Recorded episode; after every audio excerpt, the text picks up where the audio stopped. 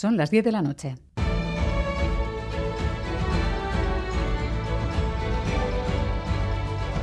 Radio Euskadi y Radio Vitoria. Servicios informativos.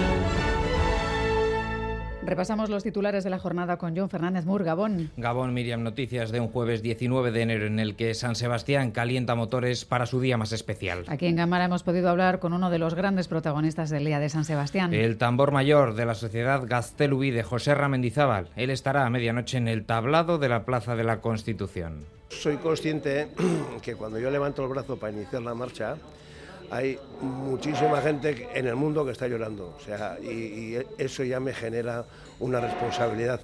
Una jornada que es muy especial para los donostiarras. Emoción desbordada ya desde esta tarde en Donostia, algunos desde ya sin poder contener las lágrimas.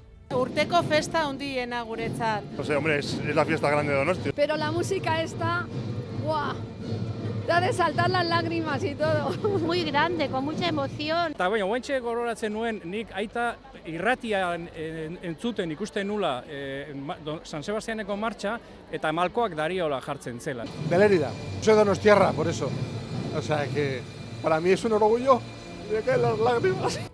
Y es que tras el parón por la pandemia, la vuelta a un día de San Sebastián normalizado genera tal expectación que se espera que sea el más multitudinario de la historia. Les contamos también que la tensión entre los socios del gobierno vasco sigue creciendo en torno al centro de más de 300 plazas para refugiados que el Ejecutivo Central quiere abrir en Vitoria-Gasteiz. Con acusación mutua de electoralismo entre PNV y PSE, el líder de los socialistas vascos, Eneco Andueza, además ha achacado a la consejera y al PNV airear discursos cercanos a la extrema derecha, declaraciones aquí en Radio Euskadi muy malas tienen que ser las encuestas que maneja el PNV para que mantengan este discurso y este posicionamiento tan claramente electoralista. ¿no? Casualmente, a las puertas de las elecciones municipales muestran su disconformidad.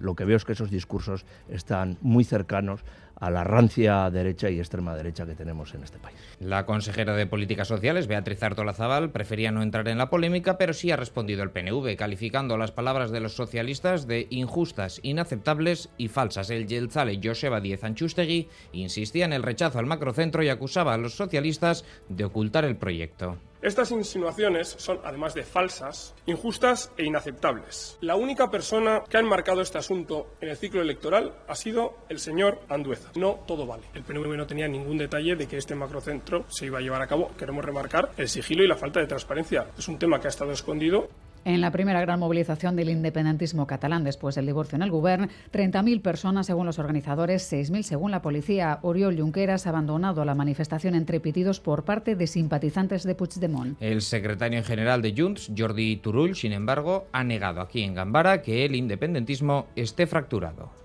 hace mucho tiempo que se intenta dar esta visión. No lo, he, no lo, he, percibido porque había mucha gente, mucha gente, y yo soy un, un gran defensor, y todo el mundo lo sabe, de la unidad del independentismo. Ya sé que se intenta quitar uh, el, éxito que ha sido la movilización por el día que era, por la temperatura, por todo, uh, pero en todo caso no estoy de acuerdo.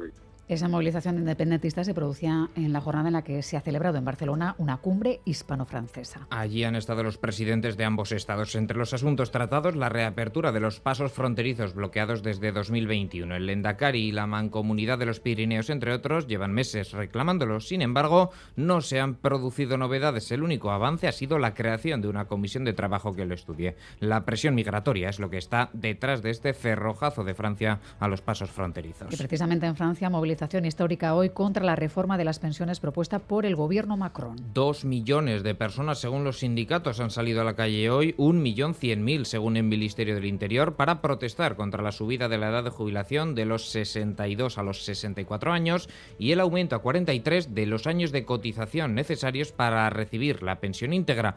Tal ha sido el éxito que hasta el ministro de Cuentas Públicas, Gabriel Atal, lo ha reconocido. El martes 31, nueva jornada de movilizaciones. Es todo. Así terminamos. Más noticias en una hora y en todo momento en itv.eus y en la aplicación ITV Albisteac. Geruarte.